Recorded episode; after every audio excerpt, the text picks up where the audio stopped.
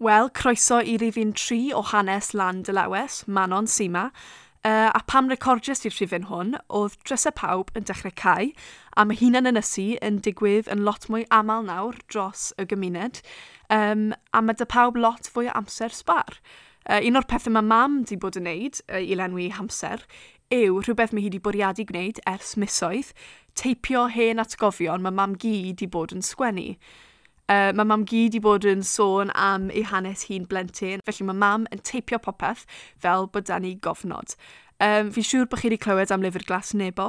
Ni'n dechrau tynnu coes mam gi yn dweud bod ni am alw'r llyfr atgofion yn llyfr coch carog, gan iddi gael ei magu mewn fferm ar lan yr afon carog yn Sir Aberteifi. A fi wedi darllen peth o atgofion mam gi, a gan bod hi'n trafod sut ddysgodd hi hanes yn yr ysgol, a pham mor bwysig yw hanes iddi nawr wrth iddi gofnodi'r atgofion hyn, o'n i'n meddwl bod yn bwnc perffaith i'w drafod ar y podlediad. Uh, maddeuwch y gwahaniaeth rhwng natur sain y ddwy ohono ni, uh, er mwyn aros yn ddiogel, nath mam gi eistedd tu fewn i'r tŷ, ac o'n i'n eistedd ar gader yn yr ardd, a nath ni roi'r meic ar fwrdd bach yn y canol. Uh, gobeithio newch chi fwynhau'r drafodaeth a bod chi'n clywed am bethau diddorol? Um, dwi'n siarad yn uwch nawr, dwi'n bach yn uwch ar fan hyn, reit. Sut fi wedi dechrau recordio nawr? Felly dyna gyd sy'n rhaid wneud, a nawr ni dechrau. Um, helo, mam gi. Helo, mam. Neis dy weld ti. Neis dy weld ti hefyd. Ni wedi dod fan hyn heddiw achos bod hi'n sil y mamau.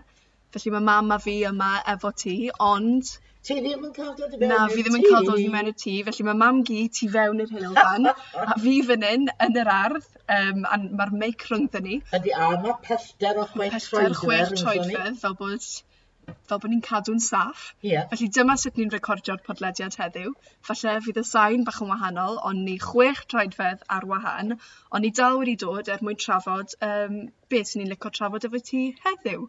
Um, sef y ffaith bod mam ar hyn o bryd yn teipio pethau ti wedi bod yn sgwennu mam gi am dy atgofion di a hanes dy deulu di. Ie, yeah.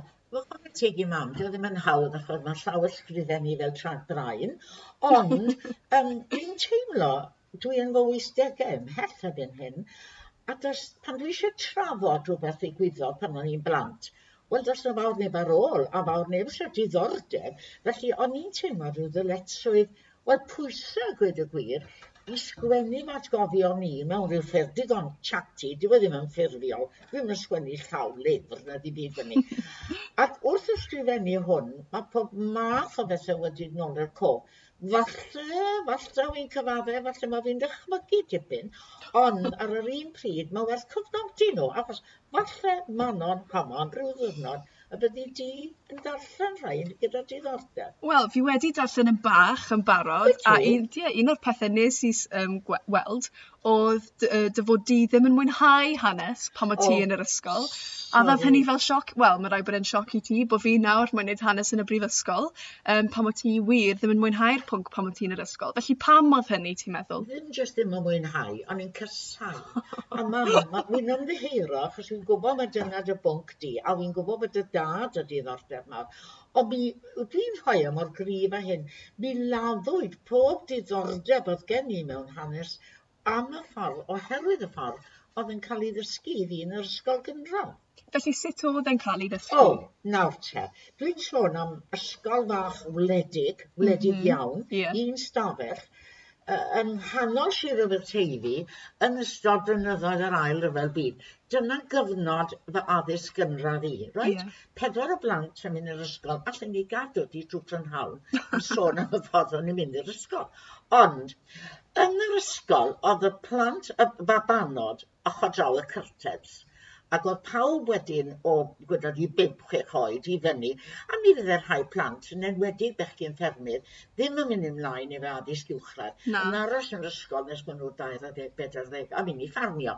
Neu mi fydde'r rhai yn mynd i'r ysgol, uh, beth o'n i'n galw, ysgol dinas yn y bysryd lle yr ysgol yn rhoi llai o bwysau ar addysg academaidd. Reit, sut oedd hanes yn cael ei ddysgu? yn wael wedyn ni. Reit, oedd yr athrawes, oedd na dan agored, ac oedd na athrawes efo ffender, clod yw ffender, i stopio plant i redeg mewn i'r tân. Oedd hi'n eistedd yn ôl ar y ffender ac yn gweud, open your books. A dwi'n gweld y bwc nawr i gwyrdd a rhyw glawr fel um, o rhyw glawr fel linen, ti'n twmod, rhyw glawr yeah. meddal fel yna, yeah. reit?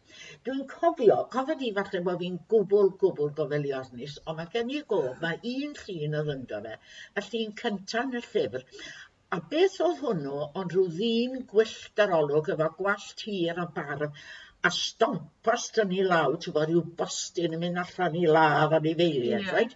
O ti'n dechrau nôl yn yr ogof, right?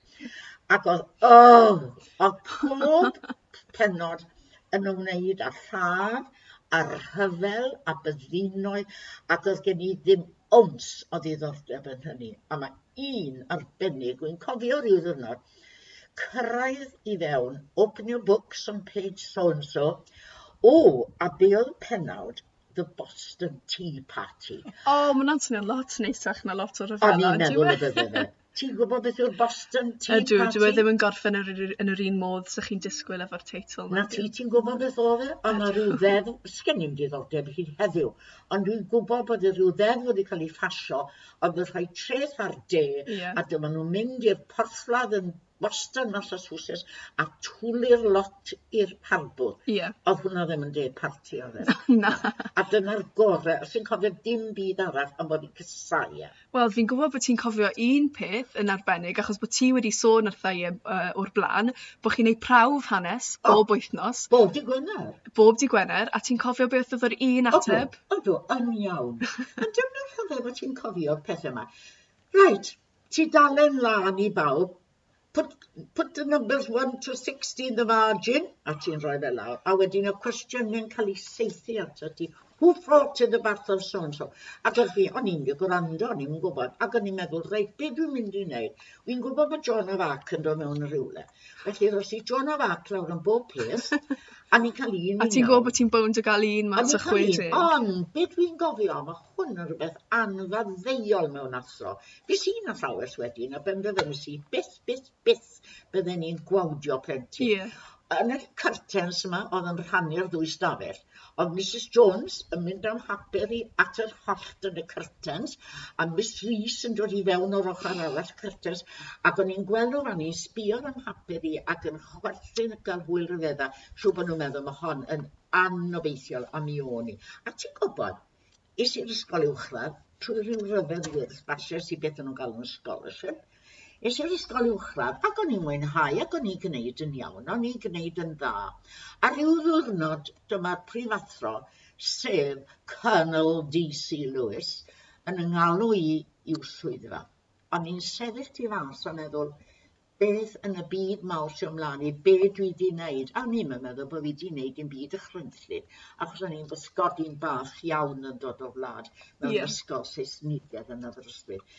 Right, dyma ni'n sefyll o'i flaen e a meddwl fe, tell me, why is it that you do so well in every subject except history? Your marks are good, but in history you fail. Mm -hmm. Obviously, I can tell you, a siw bod fi'n dweud Cymreigedd yn dweud, I hated it in school ac yn y blaen. I Hated it. A dyna, dyna hyd y dydd hyn. A ti'n gwybod Manon, mae ffrindiau fi'n gweud, ti di darllen y llyfr fel y fel, ac os oedd yn lyfr o, yn hanes, rhyw gyfnod yn hanes, mm -hmm. dwi'n cael dim blas, a dwi'n dweud, hyd yn dromau, dromau teledu neu dromau radio, os y'n nhw mewn cyfnod, a mae pawb yn dweud o ti'n gweld y gwisgoedd a ti'n gwybod am y cyfnod. No way. Os gen ti'n ddim diddordeb? Dwi ddim yn gwybod os gen i ddim diddordeb. A mae hwnna'n drist, achos ti'n gwybod be, wrth ysgrifennu yr hanesion mewn ysgofion, dwi wedi sylweddoli bod yn ardal fach ni yn feicra cosm wir. Mm -hmm. Ti'n gwybod, hanes y capel, anghydffuriaeth, hanes y stad, hanes y sgwair, hanes rhyfel y degwm, lle bydde pobl yn gofod talu hyn a hyn, hanes y gwrthryfel yn yr bunedegol. Mm -hmm. Yr hanes yna i gyd, hanes yr ymfudo i Ohio herwydd flaen oherwydd y gormes yma, hwnna i gyd yn dod i fewn iddo fe. A mae hwnna'n hanes, yn diwy. E? Ydy, a mae yna lot o bethau ti wedi sôn amdano nhw nawr, fel yr degwm a'r gwrthryfeloedd, o'n i'n dysgu amdano fe yn fy nghwrs tigau. Felly mae lot o dy atgofion di yn hanes i fi nawr. A mae'n ffaith i fi, ac yn ffaith i ti ac yn reality o beth ti'n cofio pan mae ti'n blentyn. A meddylio di, taser a thrawes yna rhywfaint o ben, bysai, wedi fyse wedi sôn am hyn, achos yr union y deilad o'n i ynddo yn ysgol, oedd hi'n perthyn i'r eglwys, mm -hmm. a'r stad oedd wedi, ac oedd addysg yn y pentre bach ni, mynd yn ôl ymhellach na pan ddaeth addysg yn yrfodol. Dwi'n meddwl bod yn ysgol ni'n mynd o tua pum mlynedd cyn i ddeddf addysg gael ei sefydlu. Yeah. A ti'n meddwl oedd hwnna'n ffaith bwysig i ni. Na fedodd neb ddim byd erioed ddweud, dim ond yma Boston Tea Party y o fach. Wel falle bod e'n anos gweld rhywbeth yn dy gyfnod dy hun fel rhan o hanes. Ond erbyn hyn, tra bod ti'n sgwennu datgofion di, wrth gwrs mae hwnna'n rhywbeth sy'n yn fy nghwrs tygau a lefel A.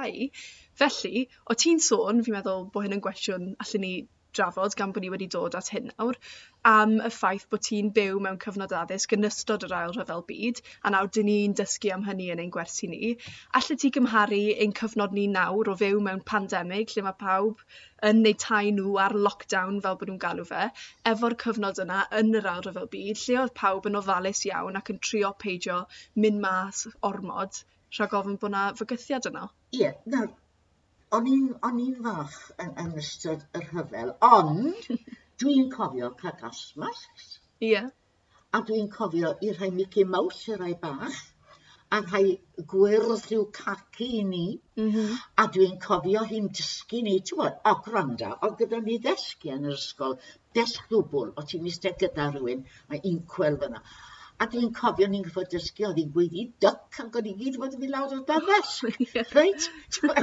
Dyn dyna beth oedd yn uh, darpariaeth ni. Ond dwi'n cofio, o oh, dia dear, dwi'n mynd ymlaen, dwi'n cofio'r hwn gad, dig bach ti capel, ti'n bod, Ysgaf, o hwnna, rhedeg milltir sy'n rhan gweld. a meddwl yn dod. Ond fe oedd ar, ar y front lines. O Dick Bart y Capel a nifer oedd et yn cwrdd yn y lle sgwar yng nghanol y pentre. Bo, Ond nhw'n matran i fynd, bod beth o'n nhw'n gwneud. Ond dyna byddu ni yn erbyn yr Almeinwyr. Os ydych chi'n saff iawn, fi'n credu. Dick Bart y Capel o'n pasyn i'r cor ac yn credu, to take the scalps, it is delight. Ac o'n i dod yn gweud, be mae hwnna'n ganu am to take the scalp sut ys dylai. A gael ei ddim clem, bod yn siarad am yr Red Indians a bethau fel un, ti'n Wel, dyma'r fath o bethau, y fath o fanylion, ni ddim yn dysgu amdano nhw pam ni'n astudio'r ail rhyfel byd a'r home front. Dio ddim yn dod yn byw i chi. Na, a falle dyna pam mae mor bwysig bod ti nawr yn sgwennu'r atgofion yma, achos dyma'r math o brofiad unigryw ni'n gallu profi pam ni'n darllen y pethau ti di sgwennu. Felly o'n o'n i am ofyn pam ti wedi dechrau sgwennu datgofion di nawr i ystyried bod ti yn cysau darllen pethau hanes fel ti wedi dweud i hunan ond fi'n credu bod ti'n barod i ateb mewn ffordd sef bod hi'n bwysig a bod ti'n teimlo pwysau arno ti i gyfathrebu hyn i bobl eraill. Yeah, cofnod teuluol oedd ei fod ond wrth bod ti'n sgwennu hanes dy deulu Wrth gwrs bod, bod, bod popeth arall yn effeithio arno fe. Y capel gododd fy nhadcu am ddwy 234 o bunnau rhywbeth fel mm -hmm. a chofnod o bob peth, pob sgriw, pob ffenest, pob silff, pob lamp.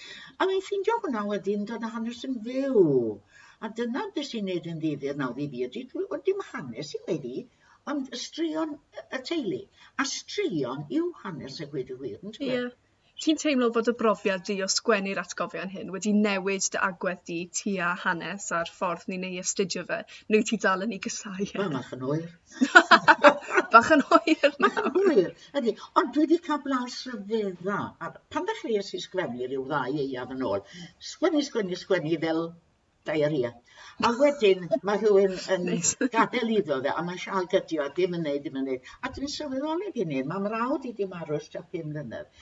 Oedd e a diddordeb ysol yn hanes yr ardal. Mm -hmm. A be oedd e'n neud, oedd e'n dim cyfrifiadur ond sgwennu'r ag yn ymlenni ac yn y blaen, torri pethau ar y papur, llun gopio, milio llyfrgau genedlaethol. Ac oedden nhw gyd blis draffryd mewn bocsys.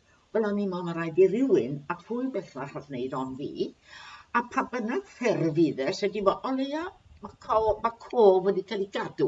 Ie. Yeah. Cadw cof. A dwi'n dweud hyn o bryd, gan bod y fam mor garedig yn mynd drwy fy nhadrau ni, dwi wedi trio rhoi ar luniau, ac os o'n i bai bod yna ddyddiad tu ôl ag enw, bydd nhw'n golygu dim i chi. A wrth gwrs, mae dillad y cyfnod, mae'r car cyntaf, mae'r pethau fel yma, dathliad, diwedd y rhyfel.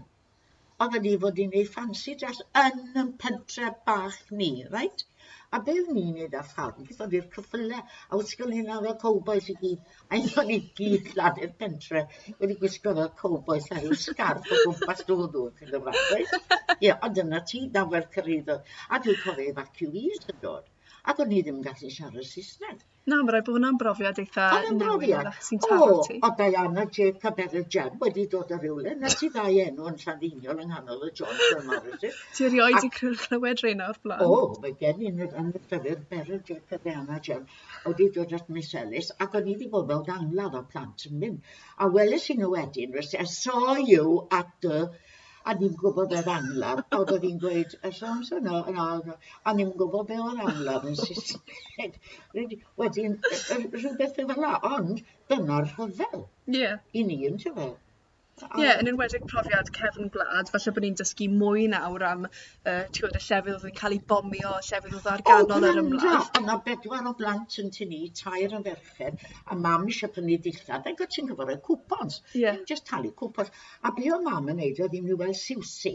Siwsi oedd yn hen ferch oedd yn cadw tŷ i Wncw Morgan ac oedd Siwsi ddim yn defnyddio 'i 'i cwpons a 'dyn ni'n gofyn i i Siwsi, os 'dach chi gwbl o um, cwpons dillad allwch chi sbario yn mynd wedi gallu dillad newydd i ni gymanfa pasg ac yn y blaen.